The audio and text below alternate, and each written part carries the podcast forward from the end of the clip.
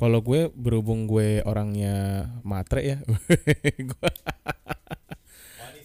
berhubung saya orangnya matre gitu ya, dan saya itu menganut apa namanya pahamnya Bill Gates. wah, jika kamu mau mengerjakan sesuatu yang cepat, cari orang yang malas, wah, karena dia akan memikirkan cara paling cepat. Waduh, ya gue pasti akan dari sisi benefitnya dulu, gitu. Karena Jadi lu orang yang malas gitu.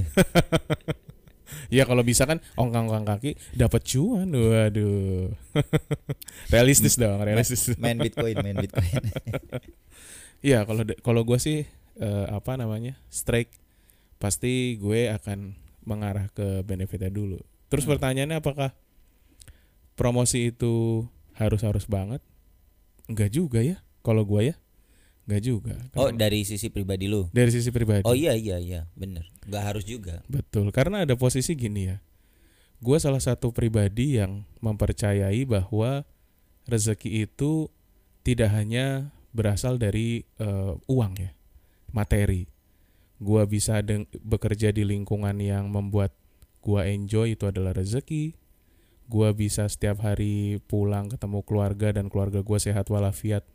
Kita ibaratnya makan sederhana tapi sehat terus itu juga rezeki Mm, bener gua bener. ketemu sama apa leader yang suportif dan apa namanya eh, develop gua itu juga adalah rezeki jadi ya menurut gua benefitnya sudah tercover di situ ya sehingga kalau misalnya ditanya Rezeki rezekinya. betul kalau misalnya Rezekinya ditanya udah ke cover di situ. betul kalau ditanya kebutuhan akan promosi jadinya ya cenderung ini ya sudah gugur hilang gitu ya karena memang sudah oh Artinya lu nggak nggak ambisi-ambisi banget lah harus ya, gitu. betul Tapi kalau ngelihat orang lain di sekitar lu yang Mhm. lu tahu misalnya ah ini orang kan gini-gini doang gitu. Tahu-tahu udah ada di hmm? Mm-mm. Gitu. Perasaan kerjanya ngupil doang. Wajib. Eh, tahu-tahu dia Eh, sudah Emang ngupil kerjaan ya? nah itu lu ngeresponnya gimana tuh? Ya dalam hal eh, hubungan bekerja yang seperti itu pasti sedikit banyak akan menjadi obstacles ya. Karena kan ya tadi ya. Eh, eh, oke itu dari sisi kerjaan. Nanti coba Mm-mm. lu ngomong dari sisi lu nya sendiri. Iya. Secara personal ngelihatnya gimana? Dari sisi kerjaan kan akan jadi obstacles ya. Karena kan ya begitu ternyata kompetensinya nggak nggak sesuai Yo. ya kitanya kemungkinan besar akan jadi lebih ribet jadi lebih lebih apa eh, nambah effort. Bener bener. tapi kalau secara personalnya eh, somehow kita bisa ngambil dua sudut pandang sih. Sudut pandang yang pertama adalah ya apa namanya ini orang kok apa eh, apa yang dilakukan gitu kok bisa beruntung gitu ya. Kok ini orang bisa ya misalnya hoki lah kalau misalnya bahasa apa Jawanya, wih laki laki bastard nih, waduh. Tapi dari sisi yang lain kita juga bisa lihat, ya kadang kita nggak pernah tahu rezekinya orang ya. Betul. Bisa ada- jadi ada itu yang tahu. adalah adalah apa ya? justru ujian sebenarnya. Ya betul. Ma- makanya tadi kalau lu bilang beruntung, orang jadi orang yang mungkin di mata kita ya balik Mm-mm, lagi ya. Ini mm-mm. kan bisa jadi subjektif nih. Betul. Misalnya eh, orang yang di mata kita kayaknya nggak kompeten, Mm-mm, tapi dipromot. betul. Sebenarnya menurut gue pribadi belum tentu dibilang beruntung loh. Bisa jadi mungkin orang yang bersangkutan udah stres setengah mati. Mm-mm, Mungkin ya. mm-mm, mm-mm. Aduh, gua mesti ngerjain ini tapi gua nggak ngerti. Betul. Jatuhnya jadi apa yang dia peroleh nggak sebanding bikin dengan happy. dengan yang dia berikan. Betul, nggak bikin happy gitu. Itu menurut gua ya, Mm-mm. gitu. Jadi rejeki dan beruntung itu nggak nggak selalu linier gitu loh. Jadi bahkan yang tadi lu bilang lucky bastard, ya itu bukan laki sebenarnya. Belum dan kita juga sering nemu lah ya gitu Mm-mm, orang yang nggak kompeten dipromot gitu. ya. Mm-mm.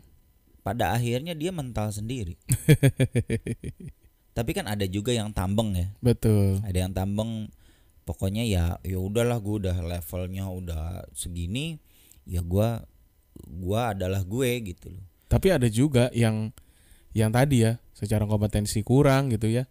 Tapi ya dia enjoy di situ. Akhirnya apa tantang petenteng ya fine fine aja tuh.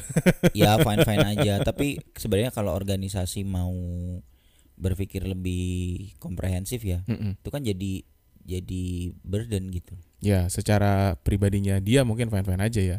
Tapi yang ada di sekelilingnya dia iya yang akhirnya terpapar. Nah, gue jadi me- apa penasaran, apakah ada kemungkinan bahwa promosi itu juga menjadi instrumen punishment, jebakan, prank.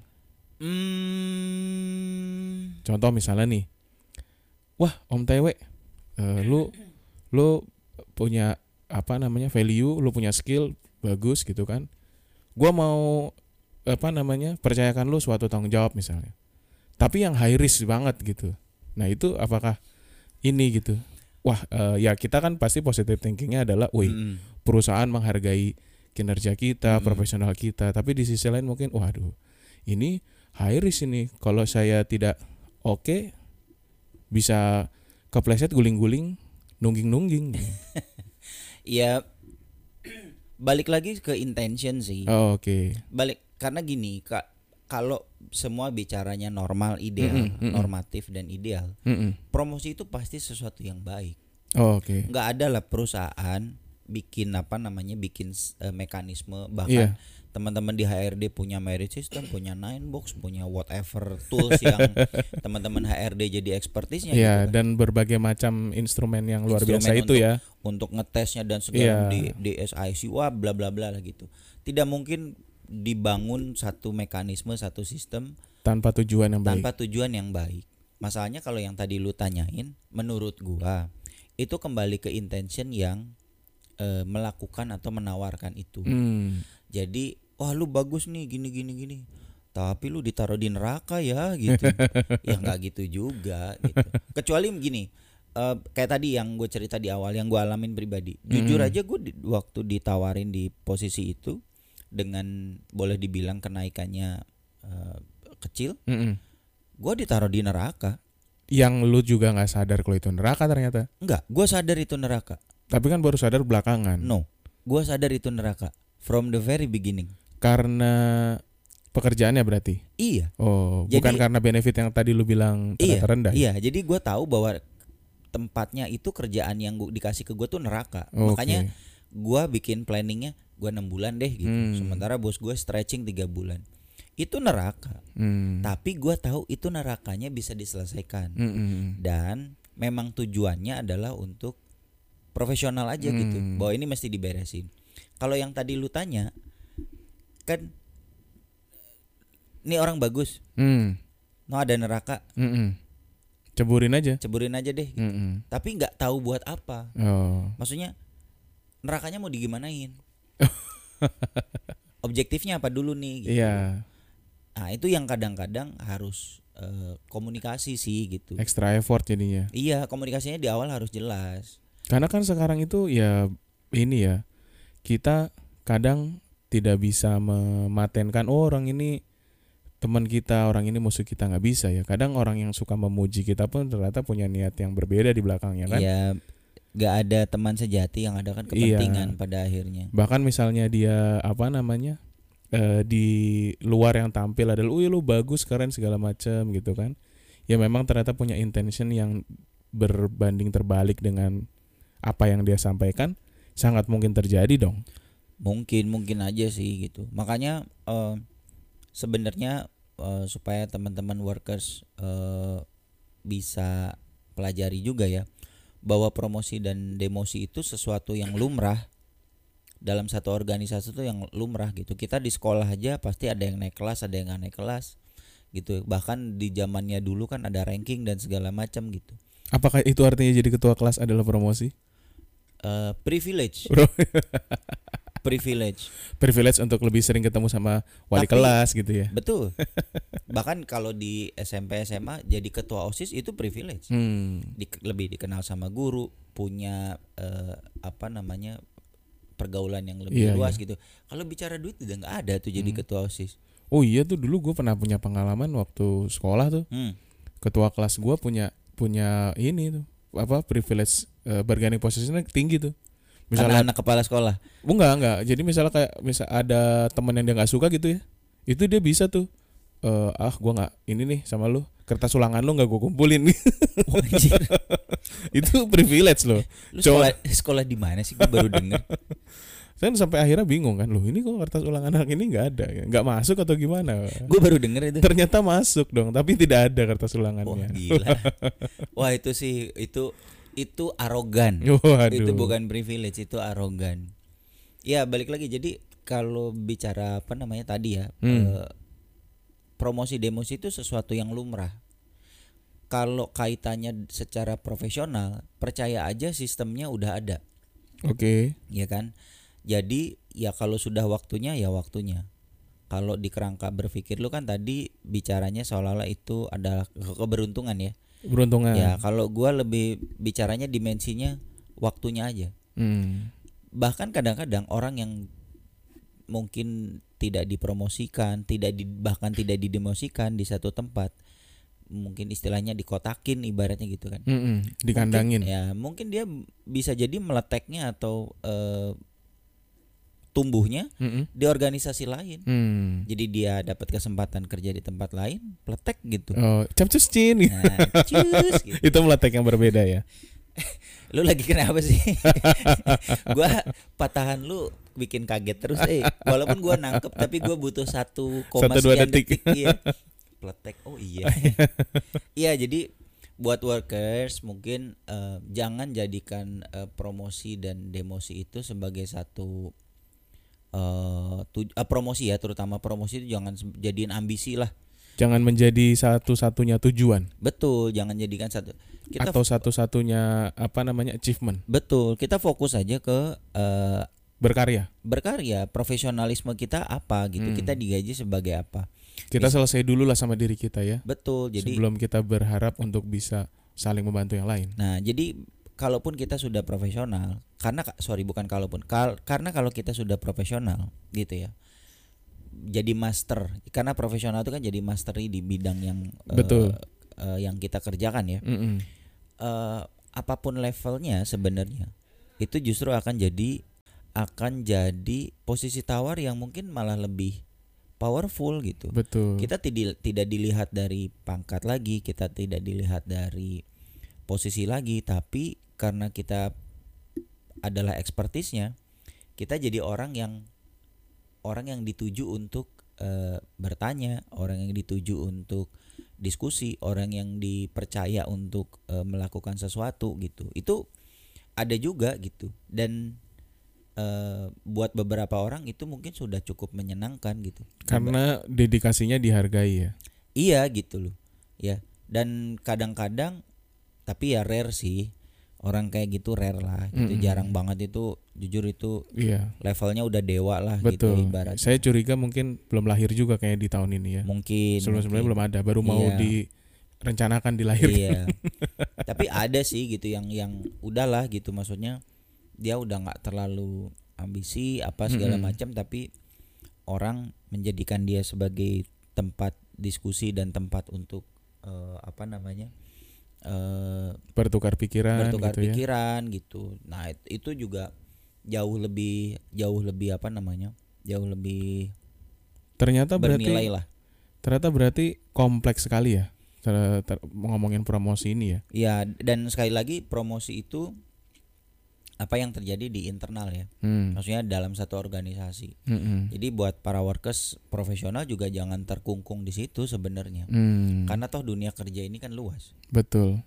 eh, kemampuan kita untuk bergaul, kemampuan kita untuk punya hubungan dengan sesama profesional di tempat lain, itu juga memungkinkan kita untuk mendapatkan promosi juga pada akhirnya gitu. Hmm. Nah, berarti kalau dari instrumen yang kompleks itu artinya eh, promosi itu satu tidak tidak selalu menyenangkan atau artinya itu adalah sebuah apa namanya rezeki.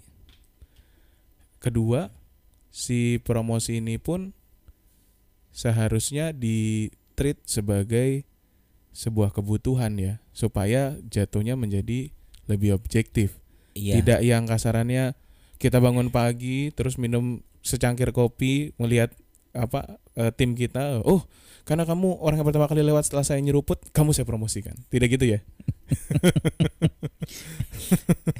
Gue lagi gue lagi apa ya gue lagi visual base banget lagi dari tadi ya. Iya kan ngomong, Toto dia bangun. lu ngomong patung gua ini gitu terus barusan lu ngomong gitu gue juga langsung kebayang tiba-tiba ada iya. kopi lewat oke eh, misalnya di rumah nih misalnya kalau di rumah eh, mbak-mbak gitu ya, mbak, Mbak-mbak. mbak, mbak, mbak kita di Iya. rumah gitu misalnya ART kita gitu kan.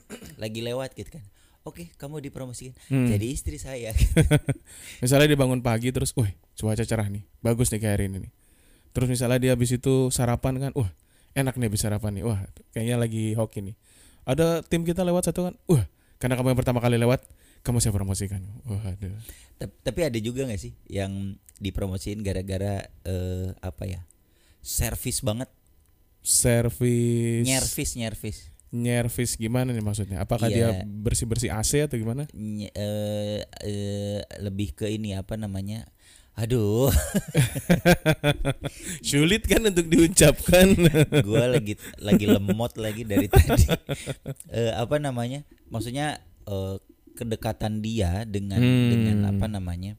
Dengan eh, atasan dengan pimpinan sampai misalnya nih maaf nih Mm-mm. eh, bawain tasnya lah. Waduh nyeduhin kopi lah. Oh ya kayak Mm-mm. gitu. Bukain bungkus nasi uduk. Ibu atau bahkan dia eh, minggirin kulit cabe supaya kalau nanti gak kemakan. Heeh. kan nanti nggak lucu misalnya pak giginya ada kulit cabe. Oh saya pisahin dulu kulit cabenya. Padahal itu sarapan saya dua hari yang lalu loh. Waduh. Ya ada nggak sih yang kayak gitu? Gua kalau dari pengalaman gue ya Hmm. ada ada. Ada ya? Kita tidak bisa melihat isi hati dari si pemberi pekerjaan Mm-mm. mempromosikannya untuk niat apa? Tapi gue penasaran apa isi hati orang yang dipromot? Isi hati nah itu juga kita tidak bisa me, ini ya mendeskripsikan secara terang benderang ya. Kapan-kapan kita mesti cari kali ya undang gitu ya. Narasumber yang seperti itu. narasumber yang yang kayak gitu. Gimana Karena sih kan dia kita- menyikapinya gitu? Karena kan kita hanya bisa melihat dari luar ya, dari kedekatan mereka, oh mereka deket, sering ngobrol atau gimana. Di belakang itu mereka sering berantem, apa kita kan juga nggak tahu. Atau ternyata memang ter- orang yang dipromosikan itu selain deket, tapi juga kompeten, kita juga tidak tahu. memang kompeten ya Betul. kita tapi kan tahu. paling nggak kita bisa tahu, oh ini orang dekat nih.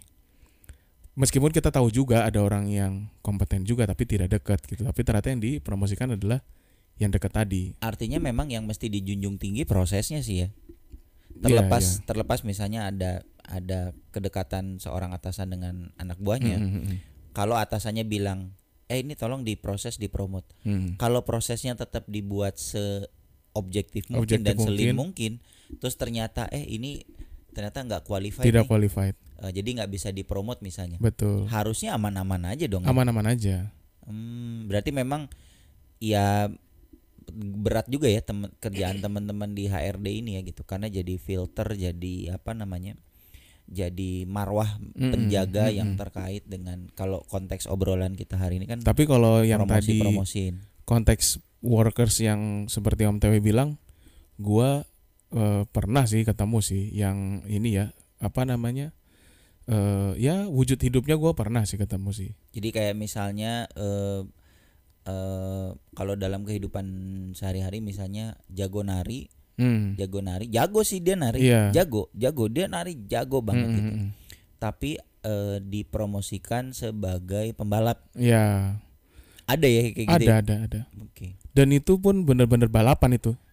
Balapannya dia- cepet banget. akhirnya dia menari dalam balapan ya Dan itu cepet banget itu. nabrak sana nabrak sini dong Iya, terlepas tadi ya, balik lagi kita tidak bisa mengetahui secara penuh intention isi hati dari si pemberi pekerjaan sama si workersnya. ya cuma bisa menduga-duga lah Ya, yang Ini karena yang kita lihat deket. adalah wah ini orang eh, apa deket nih Heeh, gitu kan. heeh, heeh. Mungkin sering diskusi bareng, entah diskusi nggak tahu diskusi apa gitu ya. Hmm, hmm. Tapi ter- tapi ada sih pernah. tapi ada yang kayak gitu ya ada ada. artinya memang eh, gini apa seseorang itu ya balik lagi karena kita bicaranya profesional ya Mhm. kalau gue pakai analogi tadi berarti si penari itu profesional Iya, karena dia jago di bidangnya betul. tapi belum tentu dia jadi pembalap yang bagus gitu Iya, betul.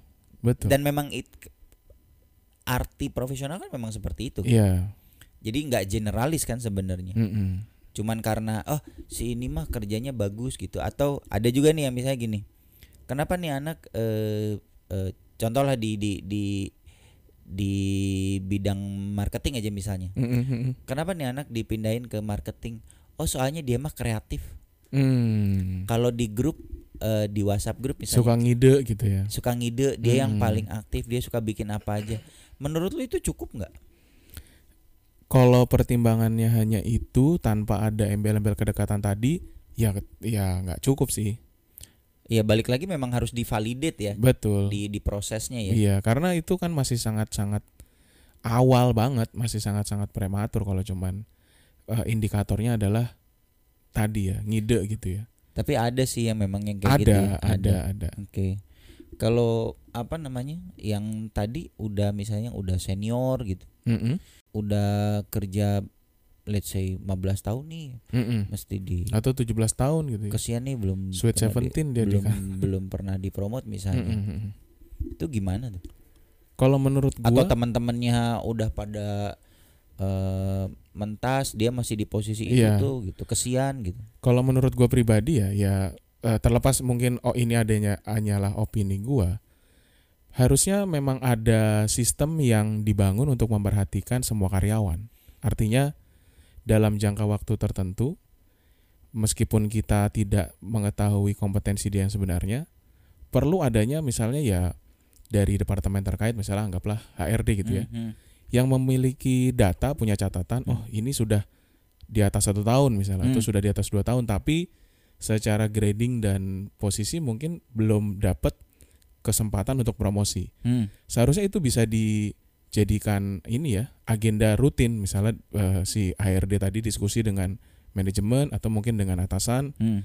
yang sifatnya adalah eh, reminding. Karena bisa jadi atasannya terlalu sibuk kan ya. Mhm. jadi lupa memperhatikan bisa aja. Atau mungkin atasannya sendiri eh, ya kan ada juga yang misalnya dia baal gitu kan Mhm. harus diingatkan. Itu bisa juga. Misalnya eh, sore bapak ibu misalnya. Kita diskusi sebentar ya.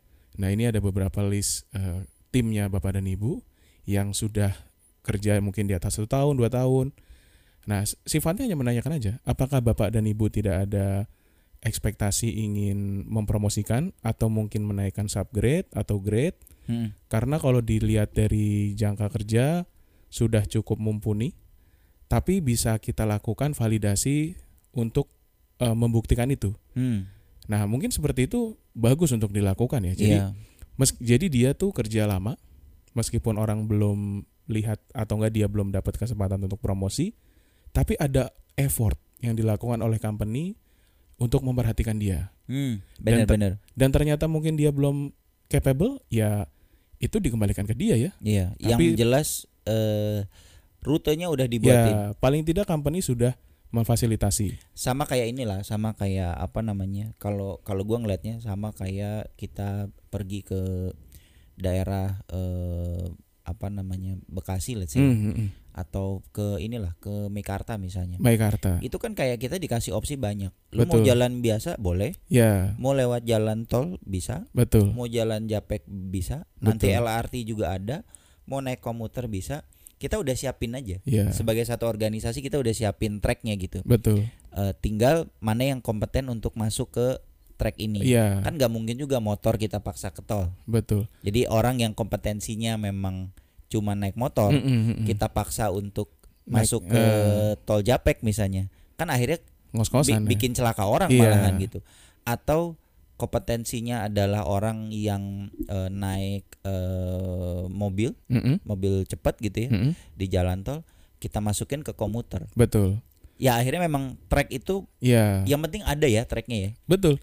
Dan eh, ini ya, apa namanya? Kesempatannya terbuka, transparan kepada semua. Benar benar. Jadi misalnya si em- eh, workers tadi sudah lama dan tidak merasakan perhatian, dia ada ada satu sisi yang dia lihat bahwa ada apa namanya fair di situ ya Mm-mm. dan diinformasikan bahwa oh eh, karena kamu sudah masuk kompetensi terus juga waktu kerja kamu juga sudah masuk Mm-mm. kita akan kasih kesempatan kalau memang ternyata kamu valid kompeten ya kita akan berikan kamu kenaikan grade misalnya. benar benar Kalau misalnya ternyata ada posisi yang kosong, coba ditawarkan kamu mau atau tidak gitu ya. Mhm. Kalau ternyata mau dia bisa masuk ke dalam apa namanya sistem untuk pemilihan tadi. artinya sebenarnya ya itu tadi ya eh, dalam satu organisasi kalau kita ngomongin karir pet eh, profesional Mhm. kalau pakai analogi gua tadi sebenarnya semua orang bisa nyampe ke satu titik itu Betul betul. tinggal kemampuan kita sebagai leaders untuk melihat orang ini kompetensinya ditaruh di mana nih Betul. apakah naik motor apakah naik ini Mm-mm. kedua orang itu juga harus sadar kompetensinya di mana Ya. jangan sampai dia wah gua mah bisa nih Hmm. naik japek nih gitu kan Oh gitu, do- gitu dong mah kecil. gitu dong mah kecil gitu padahal dia cuma bisanya naik Mm-mm. naik motor gitu tapi kalau ngomongin itu kan tadi eh, promosi yang ke atas ya Iya. ada juga kan yang sebenarnya kalau ngerunut tadi ke Om WT eh, sempat sampaikan ya bahwa bisa di challenge orang Bisa di yang challenge. sebenarnya dengan memberikan kesempatan di ke samping ya Mm-mm.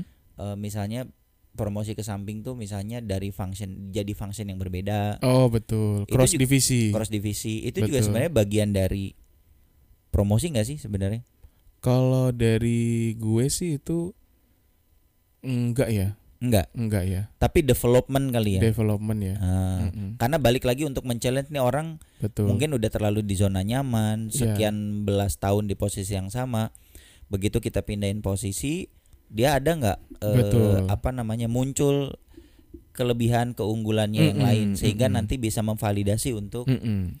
mungkin bisa kali gitu ya Bisa karena yang kalau dari gua pribadi yang tadi gua sampaikan ada yang kompeten tapi ternyata tidak butuh-butuh amat promosi ya. Dia butuhnya hanya peningkatan gaji aja mungkin.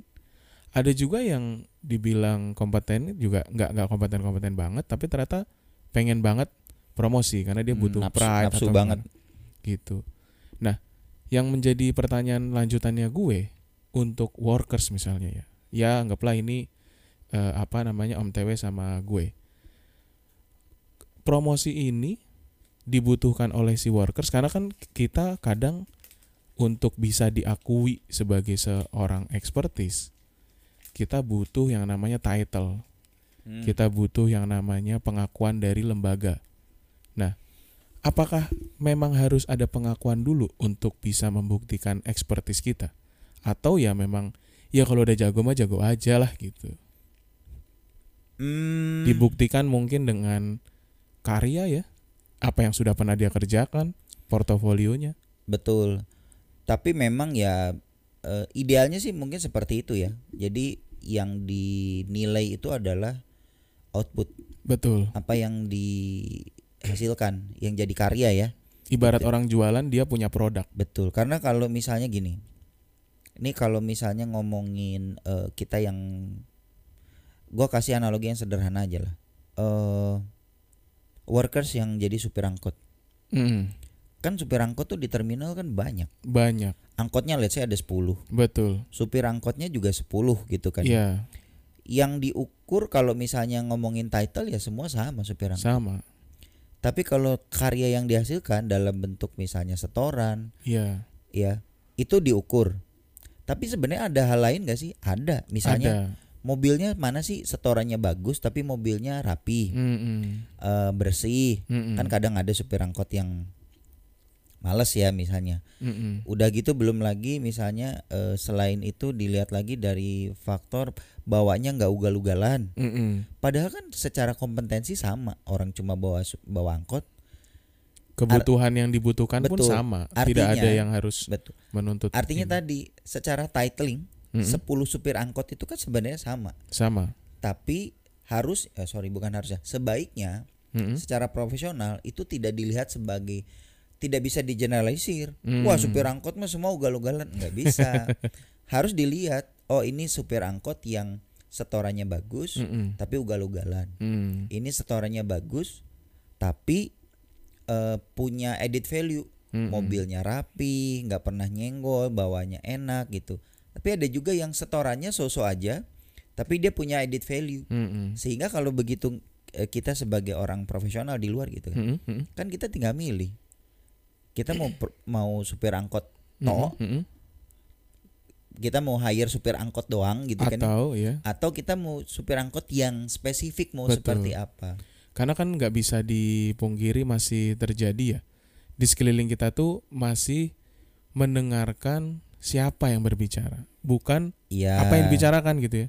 Misalnya mungkin ada expertise di bidang IT lah. Mm-mm, mm-mm. yang satu yang bicara adalah levelnya mungkin sudah director. Betul. Yang satu mungkin yang berbicara masih ya staff biasa. Udah ini duluan ya? Udah apa namanya? Sudah langsung ini gitu apa preferensinya mm-mm. mengkotak-kotakan gitu. Nah. Seolah-olah yang diomongin dari level tertentu itu udah pasti betul benar udah pasti bagus. Ibarat kata kalau yang diomongin sama yang levelnya tinggi tadi jadi kata-kata motivasi jadi quote. Mm-mm. yang diomongin sama yang level di bawah tadi jadi kentut. Padahal kadang-kadang yang suka kentut tuh ya udah lewat. Ya anyway masalah promosi ini memang eh, yang pasti kita akan selalu ketemu ya dengan selalu berhadapan. ini ya. Nggak cuma di kerjaan sebenarnya Mm-mm. di kehidupan di kehidupan pribadi juga kan sebenarnya pada saat kita masuk ke level tertentu ya. Mm-mm. dari mulai dulu eh, anak sekolah kuliah betul. eh, hidup sendiri gitu ya. Mm-mm. kemudian bekerja kemudian menikah kemudian menikah dan punya anak. Kemudian menikah lagi enggak? Eh, oh, oh. Itu malu kali. Itu kan juga bagian dari apa namanya fase-fase fase ya promosi ya fase-fase promosi di mana itu juga sebenarnya yang tadi gue bilang given Mm-mm. udah sesuai needs-nya aja gitu karena ada ada juga orang yang memilih misalnya udah Mm. umur tertentu belum mau menikah Ah, itu kan juga haknya ini kayak tadi lu bilang ada Betul. orang juga yang nggak mau dipromosin karena iya betul ngerasa udah seperti itu Mm. gitu jadi sebenarnya kalau balik lagi bicara promosi atau demosi selama itu objektif sesuai dengan sesuai kebutuhan. dengan kebutuhan needs-nya ya. Transparansinya jelas. Transparansinya jelas. Dan Nggak ada yang perlu terbuka di- untuk semua ya. Nggak ada yang perlu dikhawatirin. Nah itu yang Betul. kalimat terakhir lu tuh. Mm-mm. terbuka untuk semua. Itu yang susah ya. Wah itu yang susah. Karena mungkin tidak semua company punya privilege itu. Ya. Punya keleluasaan itu. Jadi buat workers yang eh, punya apa namanya organisasi yang atau berada di dalam organisasi. Berada dalam organisasi yang kurang lebih seperti itu ya jangan nyerah gitu. Maksudnya Betul. yang yang belum belum ideal lah ya belum ideal tetap aja fokus ke profesionalismenya gitu. Ya karena nanti yang ngelihat juga market. Betul. Yang pasti mau nanti workers yang sedang mengidam-idamkan promosi Hmm, atau mungkin yang enjoy dengan sekarang eh, apa daily activity-nya mm-mm. tetap tidak boleh meninggalkan namanya productivity ya. Betul. Harus tetap profesional Mm-mm. semua pekerjaan diselesaikan dengan eh, sesuai dengan timeline dan sesuai standar atau bahkan yang lebih tinggi lagi gitu ya golden standard gitu ya. Iya golden standard. Harus memberikan eh, minimal 1000% di setiap apa namanya activity-nya dia. Benar. Tuh. Dan yang pasti tadi ya Mm-mm. kita tidak hanya apa namanya menunjukkan eh, pekerjaan kita ya karena kita juga harus juga bisa mulai memunculkan karya. Betul. Jadi jangan hanya bekerja. Mulailah berkarya. So see you on another company. Thank you. Dah. dadah workers. The workers